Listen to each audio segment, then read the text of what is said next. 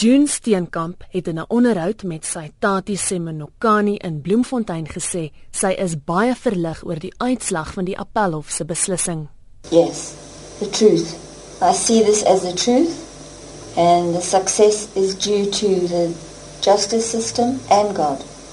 But this is this is respect for my daughter and her life also and respect for women all over this country because we have too much of this happening and people get away with it.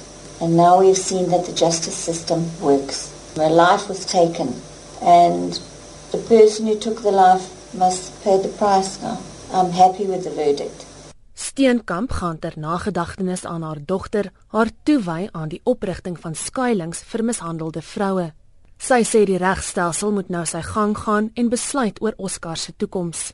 But we will never get over this. We will never be free from the pain and the loss of her. And all the joy went out of our life when, when she, her life was taken. It's been devastating. It's destroyed my whole family because a big part of their life has been taken away. They were all close to Riva and two families totally destroyed because of what happened.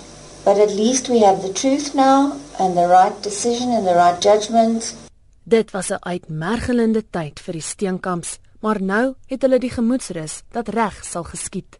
It doesn't really matter to me or us, Barry and I. We, we're not interested in now we, where the, the justice system is responsible now from taking the sentence, overturning it, and it's now a murder sentence. That's up to them now.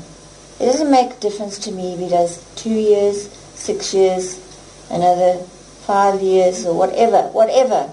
It's their decision. Steenkamp sê sy moes Pistorius vergewe sodat sy kan aangaan met haar lewe.